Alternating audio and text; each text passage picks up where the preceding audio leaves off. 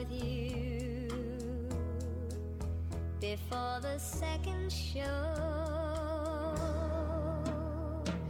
Etter ein lengan steg, så er vid atter Tu er nok tan same som alltid Jan Palle, en solslikkande føringer i Argentina.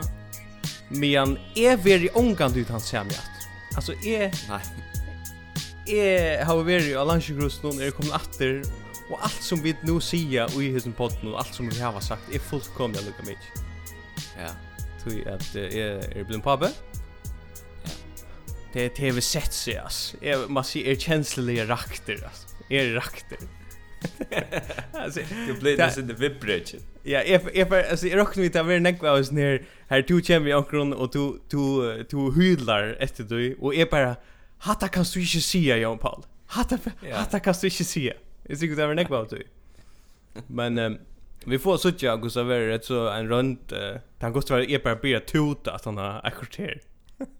altså, man vet ikke. Men vi prova. Um, uh, allt er gott, og så som vi skiljer da, i verrene, annars. Arren er blev han brötte med över. Så så ja. lägger mest till alltså i halta vid lycka ta sig om det attan och sista pott som är nog så länge sedan. Men uh, mm -hmm. jag har hörde jag ett inslag i går förr om en nutja app. Okej. Okay. Eh som är noterad med han 3 februari. Iveskriften ja. till det innslaget var Nudge Føresk app. Okej. Appen nevnes The Receipt Manager. Ja, jag läste också. Ja, ja. Och jag har läst det her opp for där her. Uh, tror jag gamla Iceman Simon Johan Wallace har ment nutja app som nevnes The Receipt Manager. Appen vender seg til det som skal enda gjald for ferieudressler til det er i arbeidsørendom, tog hun hjelper der vi halda skil og kvittan hon. Og num nummer 1 vi mersing er, tar man er, er kommet så lengt i verden, at man ger en app som eit, som skal halda skil av kvittan her er det hundra og halvt trus er apper som er akra lykka som hendan er, Yeah. Altså akra lykka. Så kommer farger inn i, i, i spel her og hikker, vet du hva, jeg snir sum Johan Walles, han hever skått på Bajajen, han må i Løvens hule eller et eller annet sår han må til Jesper Bucht, og han har funnet et eller annet vilt konsept Ja. Yeah. Men Ett är att han lukkar som, ja okej, okay, får inte han uh, finglast och synd vi heter. Men hver är man kommen till ta i onker ska hjälpa där hålla skil av någon kvittan Någon, alltså ta är man kommen om all. Vi är det kommen om all ta. Ja, ja. Men det är alltså hvis du säger att förr är det, eller jag är inne li och vidare komna om allt har vi menna receipt receipt manager appar och allt det där. Ja, det är det. Eh vi tar vi in i att vi för eisne och at uh, at Hookborn Jefferin går till Utheimen er milt sagt skeptisker. Alltså han är ja. öliga så is vid äcklaja några time tänker som gänga fyrse och så vurderar vi om vi vill vilja vara pastor out i eller inte. Ja. Och under ett lomstöv så kommer allt det önta det kommer utanför. Mm. Og jeg les, av tilvilt så les jeg denne gamle fragreying, uh, dansk fragreying som snur seg om uh, politiska hugbor i, i fargen og i, og i uh, kalt, under kalda grunnen. Uh, som oh, ja. snur seg om nek om vi skiftet med til Danmark og farger. Tilvelt, tilvelt, altså tilvelt. Ikke spyr meg hvor. Nei, nei. Ok. Men, men så under iveskriftene beskriftene Færørenes färingernes självförståelse och pragmatism. Okej. Ja. Och så ständer det här och öliga sån sterilon odriks ministeriet eh, fra Grenka. Betongjura. Ja, ja, totalt. Der kan konstateres en holdning som går ut på at melde færerne ut av verden for at ikke bli viklet inn i snausete og slemme ting. Der kan nej kan stå för att Der kan alltså Der kan konstateras en kan... hållning okay, yeah. som går ut på att melde färrarna ut av världen. Så til alla lorsterne ja. som hørte det her för Trimen Arne Søgjane i amatörhjärta. vi sa det att föringar har längst sedan meldt sig ur heimen noen, og ja. ikke vilja lottega i heimen nu. Mm. Har det då. Och igjen er respektera er frakreing om det... förskan politik och förskan hookpor. Att det är faktiskt alltså det är faktiskt det är faktiskt rättliga beinrätje och eisen nog så absolut eh uttals. Alltså nog så så yeah. re, resolut eisen på på en sån här som det kan konstateras. Alltså det kan inte bara Ja, ja, ja. Det, kan, det är inte bara en sån heter okra vurdering eller du vet okra vi det har vi det har kanske en homing av oss nej nej. Det kan stärfestas. Ja. Att föringar vill jag melda sig ur heimen. Och heter hon kalda krunorna?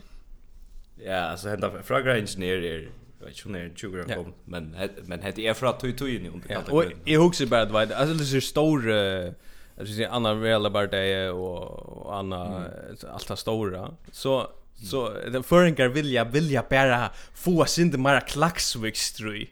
Alltså synda mera te synda minne andra andra väl bara det det vi vill ha. Ja.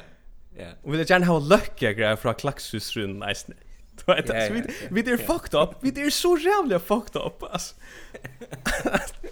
det är vi. Men jag Du du blev pappa och och mm. Jag har varit i hotell, så jag blev öle tentrar av senaste podcast där vi pratade om Forsne och och ja. och Hilton Virsem i förrjun och allt det där. Så jag får hotell Ja, jeg skal, jeg tar meg eisen nevne, jeg er blind gifter, tar mot eisen jeg vi, ok, vi, oh, ja, ja, ja. to er blind pappe, to er blind pappe, jeg er blind gifter, og jeg har haft korona, og jeg oh, ja. ikke levde korona. ja, nevnt, ja. Altså, det er hent olja deg, hva? ok, ja. ja. Ein maver som, som, som ikkje melda seg ur verene i fargen, han virka jeg syntes som han er melda seg ur verene ta og han var aktiv løkningslimer. Mm -hmm. Du tar væran rattliga attrals sinna. Uh, nu er han bara ein stor kanon. Og en borgarstjóri. Uh, at han har hållit trusch år i sessen og allt det. Det är Gerard Nordberg. Ja, ja, ja. Och han hever... Um, han skriver läsa bra, som jag noterar mig. Jag vet inte om du listar, men Ivskriften är Kvært henter vi luxusprojekten och tjoa Estringkon. Okej. Okay. Nej, jag är listan här. Nej. Eh, jag läs bara så några få sättningar ur oss ner och jag också det här är öjliga eh allt showa. Ja. Och i mån till kvad han tåsar om. Han tåsar ju om en tunnel. Ja. Han skriver Kvært hendur við luxusprojekten til Estringon? rundkøring under Saltnesgrunne, vever upp av strender, vever oppa saltnes, og ikkje glema sikri endi av herligheten av kvitanese, i mittlen teianar tja nyrsede fölkjennom. Ok. så skriver han, så skriver han, Slukt projekt som Estrøyatunnelen er neivan gjørst, så jan Egyptarner bygde pyramidnar i Giza. Jag har jag hoa halda framme. Mitt i öllon trunner Jasper Langård fram som en annan Che Guevara. Och han store i bjarkaren av Estrøytene. Han motmäl prusen och nästan edgar till upprasti. Mm. Che Guevara, Jasper Langård. Alltså jag vet inte vad det är för koppling. Jasper Langård, Langård är den minst upprastade sina personer nu i världen. ja, ja. Han är öliga beige, han är öliga beige. Ja. Och så ändrar han här. Det här är roligt. Och så ändrar han. Det synder det här synder efter äventyr last någon. Han är hemma ute hemma. Så kommer han hem efter, och Jag måste ändra han läsa brand och så skriver han om hatjar halt i Esterton. Jo, i hesen hatjar halt stå lackmar så fitter og hukti at medan jørgen rann av kvidaneset til Saltnesar og så igen vid gryntaknuvnen av loftet til strenter. Sjolver sett er så nakka lenger vi hus, vi er en temone og en pannekake. Med en tajt rundt jag halda kil av räffelsne. Vad ska jag? det är jävligt. Alltså jag har alltid Gerard du finns jag sitter med en flå i sig så gärna kom på. Ja, Gerard får han in att vi måste ha Gerard in att i landspolitik. Men han är inte han är inte eh en löktingslimer, han är en borgarskjor. Alltså det men det är som det är som man måste ha mente vis när Christer Mikkelsen och Gerard Lockberg. Det fungerar, alltså toppet, det fungerar bara som borgarskjor. Alltså ja. Det det skide gott. Det är bara gott, det är gott. Jo, men nu tog erst vi vi uh, tog erst vi Gerard Lockberg och så vi må lucka alltså vi må stäffesta till. Ja. Att gamla Scholzstörre. Jag vill också att det vere så skönligt i förskom politikje som det är på att nu ta det är i fer vi har färg upplöst. Alltså onka det vere är rocknar vi är säker på att det är ett stunt Tja, jag kan skåra dem. Det är uttalet där i 2015 tar jag Kåre Post säger 1024 former av mig. Ja. Tu tek vi, men om fem år så lägger du fra där till att så får vi det sindra av midla omröv till att vi har onkan annan chans än ta ett er onkra suspekta typer i havn som ställer upp för jokkon mm. eller ta vi skifta forman. Det är en smöla vi har kommit midla Jeg husker bare som så at Karl Post, han var en så domlig maver, han er så domlig maver, og han var en så god formaver. Ja. At han har rønt flere fyrir at trekja stikki ur. Ja. Och så ver han bara alltid hiva över in till onkra onkra samröv i kringvarpen om att nu är du nu är du knappt bli en former att. Alltså folk folk i förjum ville ha kara på. Det är bara så. Ja ja ja, men han sitter där ville ha. Han är akkurat som eh han han rör att tillfällighetsbilden. Och det han just allt så politiska liv. Han där som bara men alltså jag ska ha tunnlar och det ska vara ett. Ja men super är bara vi på det. Och så var han fälter, ja men alltså jag kämpar upp att kvar för. Yes. Vi tackar i att näst för vi där det hänt då. Ja, vi måste lucka vita vad händer. Alltså vi vi vet ju inte till att till Christian Mikkelsen svärar i telefon. Han vill ånga till svära ta. Ta mellan det inte. Fra politikke til, ja, heter det eisen politikker. Jeg leser et leserabrev fra en og fyre som var ølja studentikøser, halde man kallat det. Okay.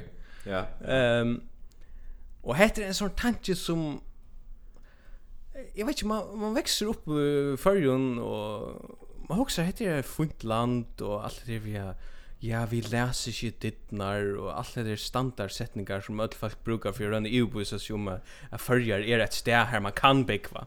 Du, man läser ikke ordene Hva hever til vi neka som helst at gjøre, at lese dittnar. Altså, til, Det nu ger också utanför dittnar. Alltså. Ehm men ens ner makar ner vad ska jag vill ge honom syndra och kredit till att han som valde skriva läsa bra vi ska onkel onkel förr. Han har skrivit läsa bra vi utskrifterna fa men knå. Okej. Han börjar vid en citat det är synder du vet. Nudge flocks stoiler aktigt. Jeg hei mist evne til å kjenne glede, hei jeg ikke haft følger til å verma sinne mot Jørgen Frans. Uh, okay. Bryr vi. Få menn knå, det er okkara styrkje. Ja. Yeah. Det er prekva ja? korona. Ok. Korona-farsøtten prekva i enda enn for, jeg leser alt, jeg sier det bare, det er syndestort. Corona farsut en prekva enn af fyrir føringar hava fram urgóa løsnir fyrir førjar og enta allan heimen. Allan heimen. Kvosta, kvosta vi går lösnir fyrir allan heimen. Nei, nu kjem det, nu kjem det. Her er altså okay. han bjóðist ikki bidja då. Uh, altså vi prekva som samfella at stå við saman, klara við att bæsa smittene. Ja. Og så vær. Ja. Longo i april måned hadde vi ikke flere nødja tilbord. Hetta lutla tjalande tja Mauer Danmark hei medkjøtt bast smittene. Enn en affær prekva vid a føringar, nei, prekva vid føringar at det som ikke eier vera gjørlet, er gjørlet tja okkun.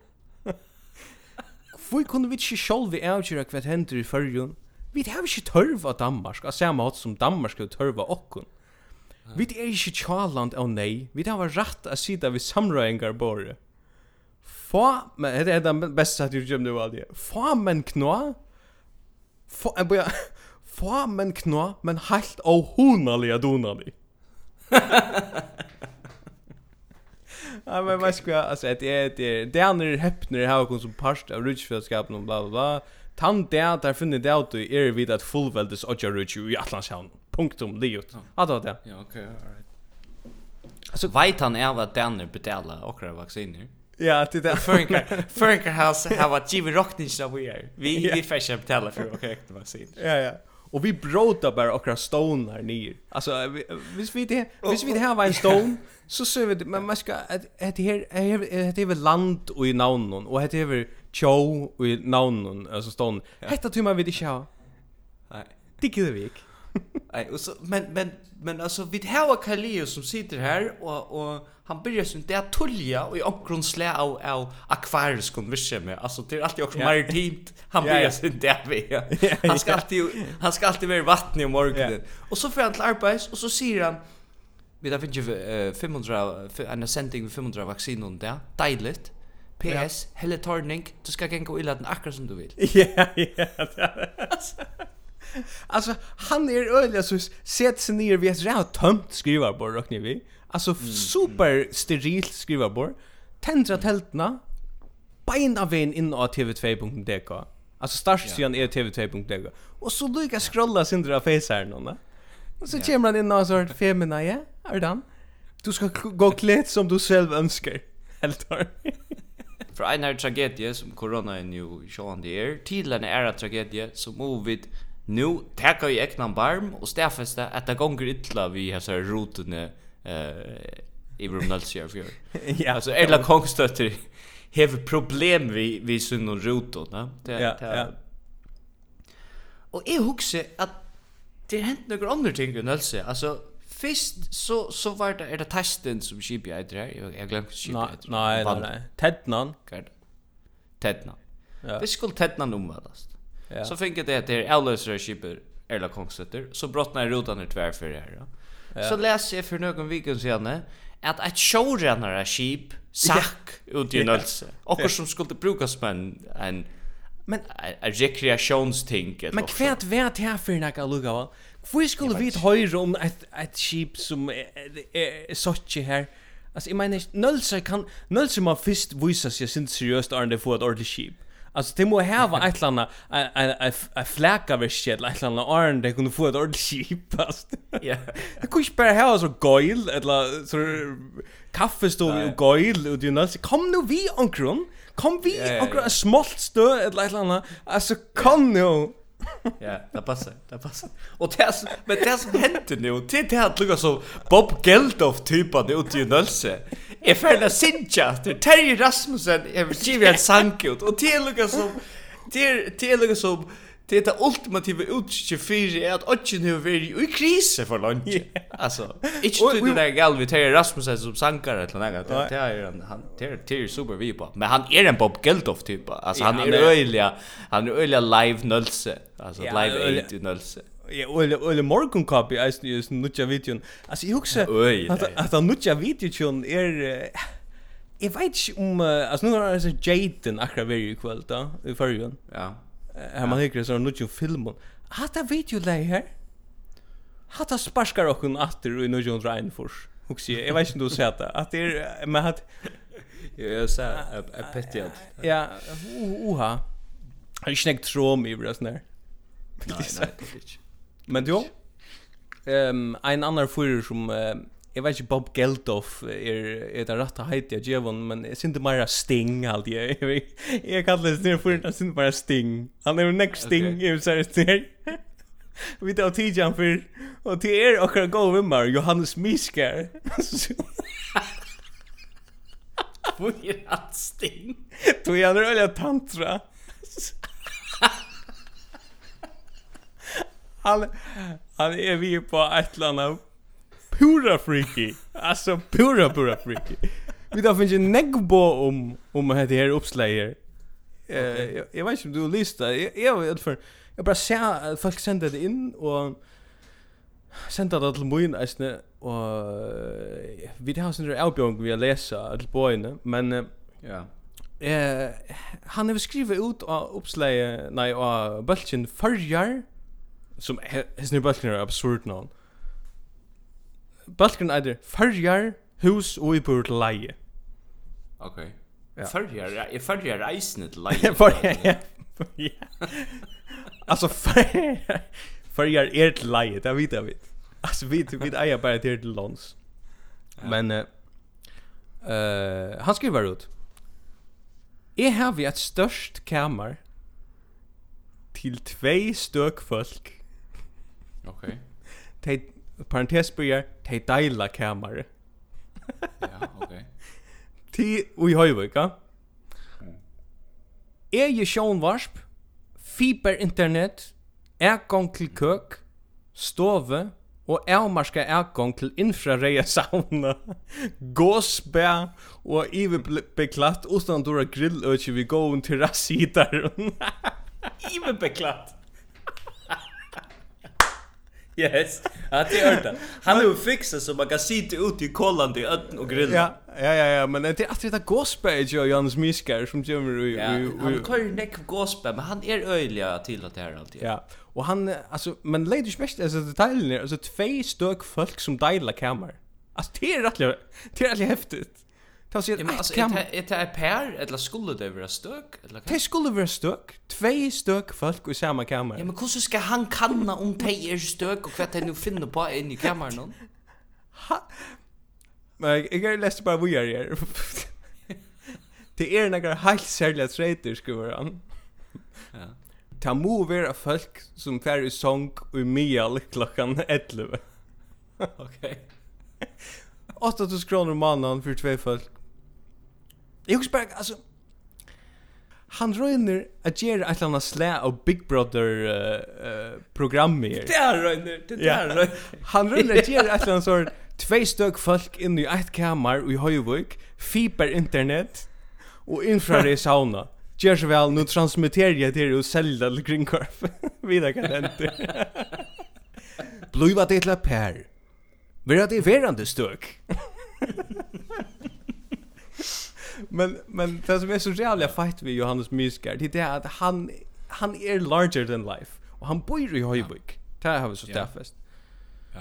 Nu är jag gammal Höjvikinger och det är svårt att vara en en, en bandalimer. Alltså, du vet, alltså man man man man vill ölja man man fär jag vet inte man vill bränder hvis man rönnar släpper ur då i. Eller så. Det är öliga la intensivt Mexico City. Alltså det är öliga är öliga alltså jag vet inte om jag rätt men hvis jag säger ja, men alltså och gal om har ju nu ta i nu är det gammal hövsingre säger och så rikt om jag Simon eller ja akkurat. Men jag läser så att alltså faktiskt alltså mamma bor än i Höjvik, mamma pappa, de bor än i Höjvik som du vet. Och de meldte, eller hon meldte mig så inn i en bulk som er høyvuksbølgeren. Ok. Administrator er Johannes Miskar. Yes, yes. yes. og han er færre intensivt til verska inn i sånne bølgene der. Ja, ok. Han hever stona til som eitir høyvuks fire inn i AS. Okej. Okay. Han kör live och uh, Zoom och sånt där han bara inviterar onkel det här en Jakob Borg och Trent Vattnamar in och förklara förklara vad det damer väl i Höjvik. Sitta nu, du vet. Alltså okay. spirally intensivt in till det. Så är han Höjviks fyrlästrar om bildningshuset i Märdegöd som är i Höjvik.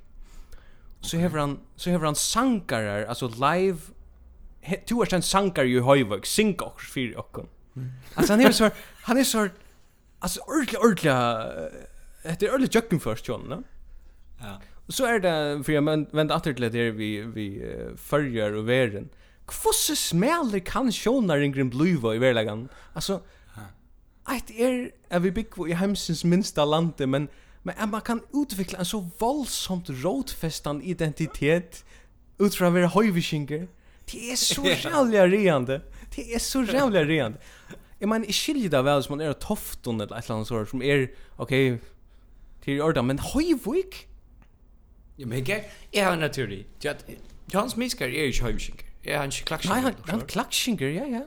Ja, men det som, det som han har upplevt, det är att han flyttade till Høyvik och i good faith. Han flyttade ja. och huxade, hette er hövudstövren, hette er pastor av folk är öppen här, här är det. Ja Her vil man her vil man bjuda over uh, mm. till en kaffemun hvis man ja. uh, visst man gåsbär känner känner folk och så är och gåsbär och så är där finns han säger att det finns någon ju gåsbö gåsbär gåsbö ja där finns bö där finns inte i höjvik mm. Ta näst är er, han han gonger här bänkar på hornet eller hälsar på folk och i i FK eller du vet och i eh i Hompos höll och allt det där. Och fucks hitcha bara på han och spela hundra ostfors, er du ordentlig hundra ostfors? Ja, ja, altså, du vet det, det er ikke som er du ordentlig høyvskikker, han sier, nei, altså, jeg er innflutter ur klagsvik, men jeg bor her nøkker åra. Ja. Men hun teker stid til en integrasjonsprosess i høyvik som, som du sier skal genga fyrs i en Big Brother kontekst vi en noen, er noen grilløtje som er ivedekk. altså, det er det. Fantastisk, fantastiskt typ av, hva skal jeg ha det som gjør det? värst att bygga i ett land det är typer som jag smiskar. Jo, ja, han ska köra och är också vi han för att få är också vi han för att vinna just nu jag har ju sin kon vi vi som vi som här på där. Det är särskilt som bulchen när det också vi. Så jag jag vill lucka att kött färra för boy att att FMA över att nu. Ja. Och eh vi det här var diskutera FMA och det ska alltså bliva synd minnes steril. Okay. Og till ölja negv, til ølja negv i uppskottet. Til rævliga negv i uppskottet til å bliva alt möjligt. Er det det? Astrid? Ja, ja. Og jeg lever bara mesle der, altså... Typ, sko, orsens utgava eller konsert. Veist du hvor i uppskottet det? Nei. Nuttjårskonserten min fyrir jeg som du New nyorkest. Alltså Alltså efter det drog inte alltså det är det är som du som du sagt för alltså vi kunde inte gänga runt och mata. Vi kunde inte spela. Alltså vi som reglon som stor land gera. Vi kunde inte ha kategorier för allt i förrun. Det är som att säga som du som du sagt vi vejle förra att vi så vejle hever Orsens sankar og i sérstøk om bøltje. Det kan ikke hava det kategorien i en Orsund provinsboi. Eisen det er orsens, eller orsens sankar jo åpnum flotje, eller hva man kallar det, hva det er for noe? Åpen flokker? Tjeran han Og tjekka det hvis det, hvis det her er så, det her er så sending, så rinja det i Danmark til, til Veile, og så rinja det til onkra sånn Lasse Jørgensen-type som er her. Hei Lasse, ja, så det. Ja, ja. Du har sikkert uh, litt tømmermenn efter festen i går til alle danska sendinger byrja vi at versen spyr om vi kommer til timpmenn. Det er åpert en, det er åpert en sånn standard firebrygg der man bare går rundt ved timpmann i Danmark. ja, ja. Og så spyr hver er årsens sangar i oppnum bøltje og i veile? Ja. Jeg, jeg veit ikke. Onkur som spalt i at The Dubliner. Førja symfoniorkester er årsens årsens orkester. Men var det inte också vi att vunnit det här ett land för några år sedan? Vi nämnde det där. Jo, vi vi tar pratna för att ja. vunnit Uh, Det var eist i ägst åkost. Bästa orkester, eller hur? Nei, det var onkel inklämt inklämte bølger eist. Men det var snöjt. Det det var ju snöjt. Det är för näck. Det är för näck. Men du, jag lukar efter att säga om FMA. Det är det att här är en bulkar som heter Orsens Nudja Naun. Okej. Och her er det her er det 12 balkar i uppskottet som er rettelig nek Ja. ja, det nek. Men jeg, jeg husker kanskje, altså, kanskje er det bare en en altså en tilnøvning til navne skolt. Du vet, hvis man hikker etter navnen og som er i oppskottet, så er det så som Einan Gran. Okay. ja. Raske Drenge. Ja. Agra Soppar. Ja. Gø. Gø? Kons concern. Alltså vi ö. ja, ja. Och cowboy keks. Alltså är det bara är det bara nönen som är i Oceans Ninja Land. Det är bara fräknön till så. Det handlar slett om downlighten. Det handlar bara om cowboy keks eller akra soppar eller Jag husker att jag jag såg på att han som heter ta minst exklusiva navnet vinner. Och det är Jon Eliasen. Som jeg ikke vet hvor er. Nei, vet det. Han er jo ikke anvendt det. Altså, vi går stafes at vi har en ekvann gåan tonelager før, men det har donet tonelager reisen. Det er slett det det handler om. Og, og nekvas nøvn som du nevner til reisen til, til, til god tonelager som det har. Men uh, lista paddleren i førjen er, han er sinter, han er sinter eksplosiver ofta. Altså, han er lukka som eller han er ikke eksplosiv, han er luster større enn han er i nekken føren. Jeg vet ikke om du har hukt etter sendingene list i kring hver førja. Jo, jeg har ikke synd rett enn vi går, ta jeg ikke på appen. Akkurat. Jeg sa en sending. Så nei, jeg skjæna. nei, fint. Men jeg sa en, en parst her, finne kåpa er og vidjar um, Livar Nysted. Ok. Som jo maler her, her i, i Vierøye. Ja Og han han är så inne til livar och livar hever han hever redan ett porträtt hengande av existerande förskom person. Alltså som ah. han er bara hur måla då är det. Okej. Okay. Ja. Och och så så er det man huxar akkurat som okej, okay, hvis vis du just okkur gæle i fyrjun, ella hvis du just okkur gott, ella hvis du bara til til tilfeldigvis endur en bensinstasjon, her som livar nystet kjemur og fyller tankan, tja seg så kan du riskera att fyren bara för att måla ett porträtt av det här av sin ätting. Så kan du bara hänga i en fjås i vira i. Det är alltså, det är våldsamt. Man måste spyrja, kan ni släppa måla det? Det är som... Det är det första trade. Det första trade. Det första trade. Men Livar Nystedt uh, virkar till att uh, halta sig kunna göra kaffe han vill. Det är... Ja, ja, ja, ja, det känner jag. Det känner jag absolut. Men det det var så här var så ett annat här var Eisen en annan samråd vi Joel Cole som ja. som efter handen har har loppa nekvar nekvar fänkar och funktionerar uppe i Mjörskadalen. okay. Men men men han är listar med han ger nekvar såna skulpturer och tar tar flottor och allt det där. Men ja. Og jeg og to er jo ikke lista kjenner, vi er jo ikke, vi er ikke noen personer som kunne si neka om list, altså, eller, eller nek sånt, Nej. Nei. Men han är så just uh, en rö av, av skulpturen vi stöje och i samrøven som han har haft vi uh, tilflyttere i fyrje. Ja. Och, og det var sån smager och sån større skulpturer och också väl nekva det var sånn, det var tre, en sånn tre lugga som fundament och så var det ja. också sett på en bland skulpturer eller så Ja. Mm. Och så det, men så är det man huxar, alltså kvätt kvätt Hva helt du er sånn fyren som kanskje kom ur Ukraina et loksjord og har sagt, ja, men jeg kan godt prata vi Joel Cole om min oppleving av integrasjon i fyrjun. Og så at han har tatt han samrunn Leo, så ser han i sjånvarpen at han er bliven portretterer som et eller annet slav tunge, og, om man har en basaltleie som bare ligger her. altså, altså, Och så kommer alltid till heimt är det fair vi att lucka som gera att gera såna invasion i privatliv. Jag fattar inte. Du blir på elment av el lever nystet. Eller Joel Cole som en obskur figur. Ja, och så kommer hem till Kiev och och hickar det list av näten. Så också det bara att det att det snär. Ja. Han snutte med. Han snutte med, ja. Ja, ja, men du berör att Alltså Jag vet inte om jag fotboll eller en par list eller kvar det är allt för menta, no?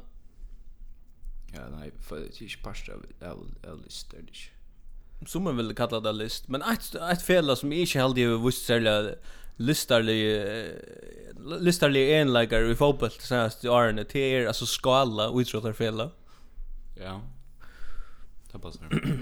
Eh Men det här är gott dömi om att vi lever i en fullständiga obskurum samfälle. Uh, till jag läser en grein om skala. Skala har lagt 1,2 miljoner att säga i egen så. Men, men fela i riktigt nyer i fjör. Ja. Kan det heta för en veri vid liv och en fotbollsfela for 1,2 millioner i egen penning? Ta det kommer ner i første del checka hur det här är skriva. Eh, det är han själv uh, väl ser för en Jons Hansen som skriver grejen. Han är öliga, han är öliga känsloliga vi i sån grejen. Han han skriver en okay. kus kus folk reagerar. Okej. Han skriver med Lana öll helt i åndene med en kassamästaren Malene Jakobsen lei fram rockskapen. Ja. Jag spök, nej, det gör det inte.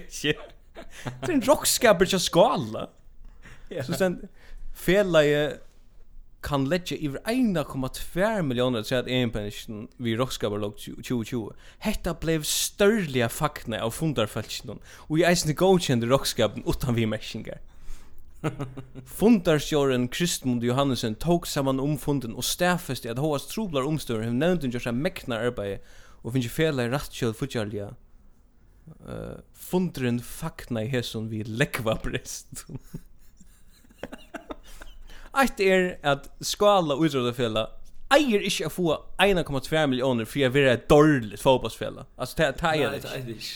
Og hitt er kvosse Hvordan kjensleborn her is nær i all fundrun veri? Altså, det virker til å være øyelig at, veit, Luiv etla deie, skala. Ja, ja, ja.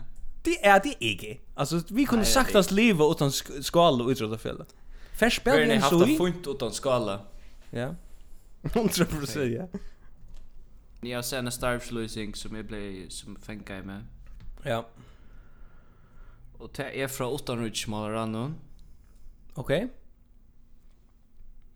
Starvslesande i Torshavn, London, Brussel, Kjepmannahavn og Reykjavik. Ja. Eh, det är så läs att det söker efter det söker efter folk till att arbeta och i och i alltså mi fyrsid eller landsfyrsid i förjon eller av en av centerstolen som vi har kring hemmen. Ja. og Jeg beit mest i at i så starsløsingen her, det er øyla, du vet her er ikke vi du skal doa hetta eller hetta, det er ikke praktikk og forskjellig sånt, og i landsfyrirsidingene og sendestoven Førjun arbeider vi føreskån avhåmalen i alt sjå omkvørve. Starvstøyene er Torshavn, London, Brussel, Kjepmannahavn og Reykjavik. Erst du avhåver i ustanrydgismalen politikki og samfunnet, og vil du hava spennande avbjøringar, så er eit virkje starv som starvslesande og ein sendestov i Eh, en er først sendestånd og nægge fyrt igjen. Ja. Og så er det, jeg husker kvæt er et overste starv. Ja, kvæt er det måsa. Det er akkurat hatt av starve. Hatt det her starve. Hvis du først som, altså, som starvslesande og sendestånd i, jeg vet ikke hva, Brussel eller Reykjavik eller noe sånt. Det er et overste starv. Det er et starv som ikke er et starv. Vi må bare staffe seg at det er starvslesande og sendestånd kring heimen til førrjona. Ja ja. som som ju som utgångsstöj är ett onödigt virksomhet tror jag land som inte vill tagga värna till sina lucka väl. Ja ja. Eh och vi har pinna med brigader som uh, som är runt omkring och jag ser falskna som har varit starslesande. Eisen nämnt stagiaire. Ja. Du är runt omkring, ja. Tej få en våldsamma iverkreditering og så ut ser Jeg var veldig rett her, stasje. Og det er hamrande sett, alla stedene. Det er veldig som bara ja men jag är heter en superakademiker. Du vi kommer du smurst brei uh, i Brussel i tror jag man alltså kvärt är det för näka Kom nu i gång. Alltså, jag kan inte ja. vi är Och öll av dem ända alltid för att låta vi engagerar sig i spurningen som har vi säger Bologna tillgång när jag. Alltså det blir alltid sån sån for och MFS typer på sjort där. Det är alltid ett annat så där vi ut norr raje eller utan rich politiska hemlar lån i resner. Ja. Ja. Nej, det det nej nej. Stagiaire ska stäckas. Det ska stäckas igen. Jo, eh vi vi vi där vi gång down lot nu allt ja. Runner runt där. Vi ska lucka Jagnuger stutt sökt to in här. Eh 62 euro så det är jar. Så det är grand där. Eh jag hade det faktiskt ett insla. Eh jag har lust det men jag läser det. I beskrivningen var. Okej. Förjar kunde göra sig galtande och inne cykling. Okej, ja. Det kan ett först land hvis det ordentlig gjerne vil. altså, Alltså Alltså en kurs som ordentligt ordentligt hot det kan ordentligt göra det. Men det blev via sucha vid av min hemsmästare in i Rory. Alltså det blev via sucha där. Det är så garvigt. Men men orsaken är at det sender, ehm årsaken til eh, det er for jeg kunne gjøre skaltande er at det er rastyrkje vi krevst og ikke alt annet som det du syklar av en nå.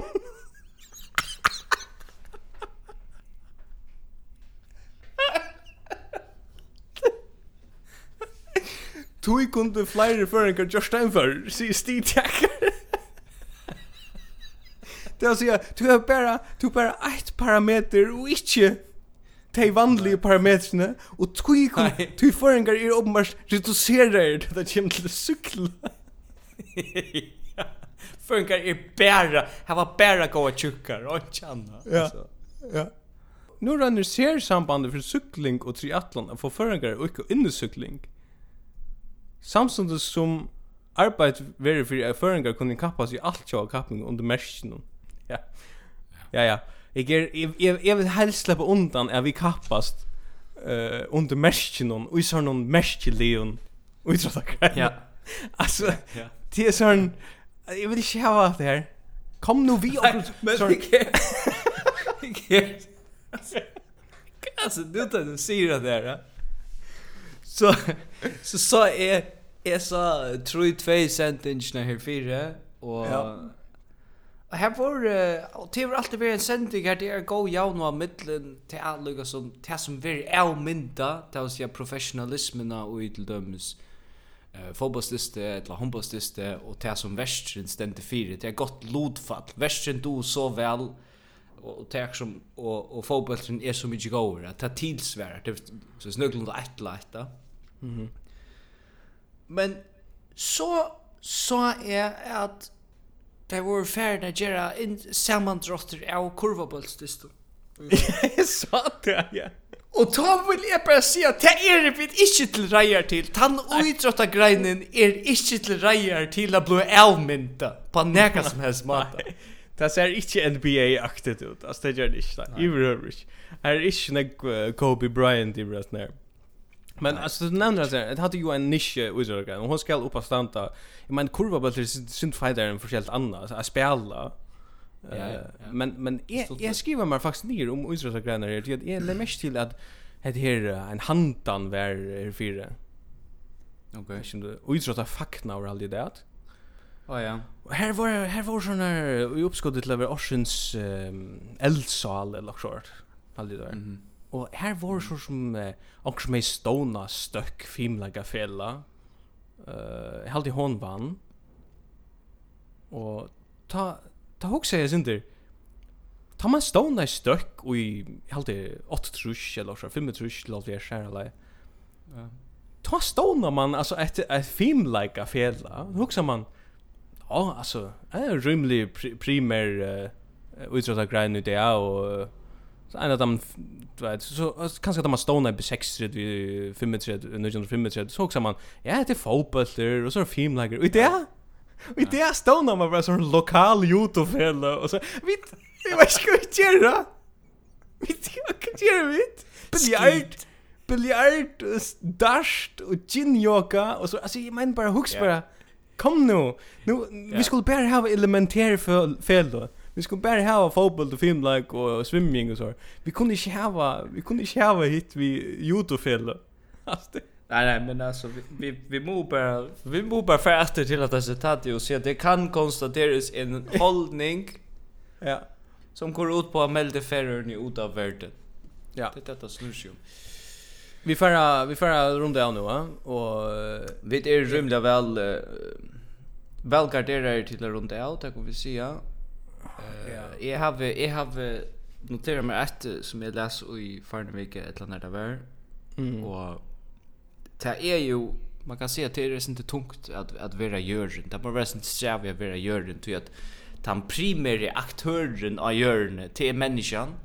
Mm. Och och vi efter att landa var truvast vi det inte väl att Og Alltså de flesta är och konserlig Västerheim nu. Vi är ju her. hemma här. Alltså det antingen är det för kallt eller är det för hett eller er det for skjeve, eller er det for møye. Det trekker. Det kvi, kvi sier, kvi sier, kvi er man så i seg. Jeg kjenner jævla enn folk som stedfesta, øyla torreslige og ofta.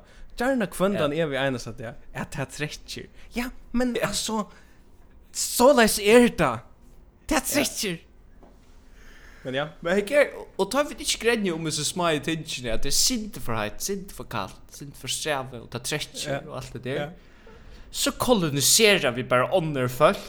Yeah. Jora slö utrota vid vid kolonisera och lägga hela land och hela landsparstar och allt det där.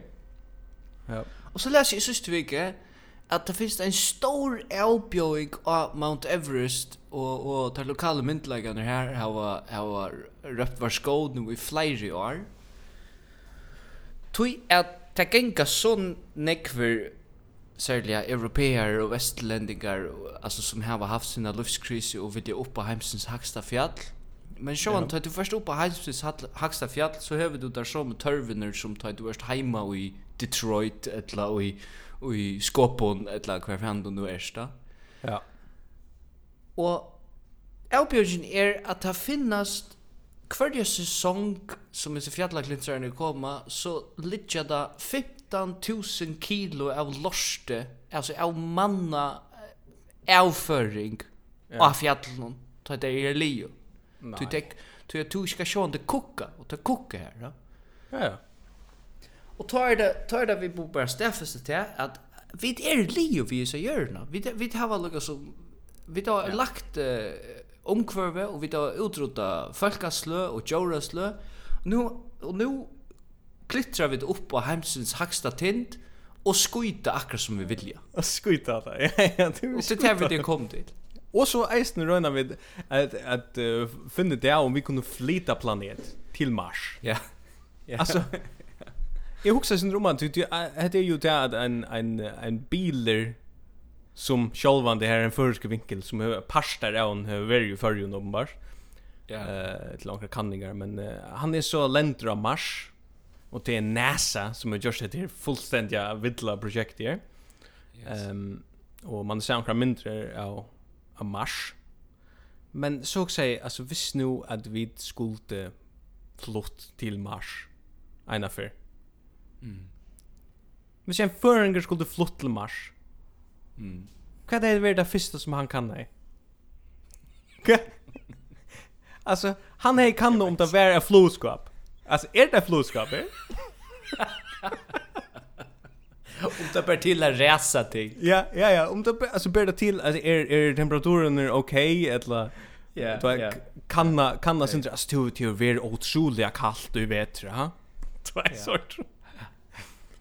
Det är det. själv vad det huxar omkring för jag vet inte vad det är för en karriär. Ja, ja, ja, sjön, sjön. Och så är en stående fällskap att det var mer än två. Facebook bulk Så ja, men jag hade vid vi förstärka men jag mål lugga tagga där en för ja. Jag vet inte alltså nu får det sucha när det är efter jag heter det sån tojar läst men jag helt det var. Alltså ja. Eh, det är en bulkare av Facebook som heter O-Chapes, utropstecken, vi står hon. Okej. Aggressivt. Här är en som skriver här. Er det nekar som ligger inne vid livet på steg krukken som jeg kan få? Helst vi havn etla nær havnene. Og så en mynd av Beauvais. Luxuslever på steg. Ja, snær. Du kjenner seg krukkelever på steg, ja? Ja, ja, ja. Beauvais. Og så skriver, altså jeg spør, nå, men uh, kanskje anker skriver, ja, å ja, akkurat tømt i ene utjør, uh, så du kan få ene. Her er det folk som skriver, Jag ska bara en. Jag har en neckvar av stronton som du kan få. Okej. Så Så skriver en annan. Jag har 24 styck av tofton. Nej, nej, nej, nej. Parentes kött om man brukar tunnelen. Det är för neck. Så så skriver jag ja tack vi fin här kom kanske en tur i vikskiften efter dem. Efter 24 styck av tomon krokodilpastej. Kan för land? Nej nej, vi är Leo. Vi är Leo. Vi är alltså lite nu alltså. Ja. Vi är lite nu. Vi får stäcka nu. Vi får stäcka nu till nästa Det er nekva hent, to blin pappa, ja. jeg blin gifter, jeg har haft korona, og jeg overlevde. Mm. Og vi skulle ta en podd opp til Johans Miskar i år. Yes, vi er absolutt, absolutt klare til, uh, til at det pott i potte för dig då. Men eh, vi var vi var omgång det där där så mig efter. Jag tror vi att se så mig efter corona och att du gifter och över omgång att är blir pappa så take it or leave it till så är vi vi kör det där show nu. 64 hunde potter. Så vi tar oss nästa för det, ja? Yes. Okej, okay.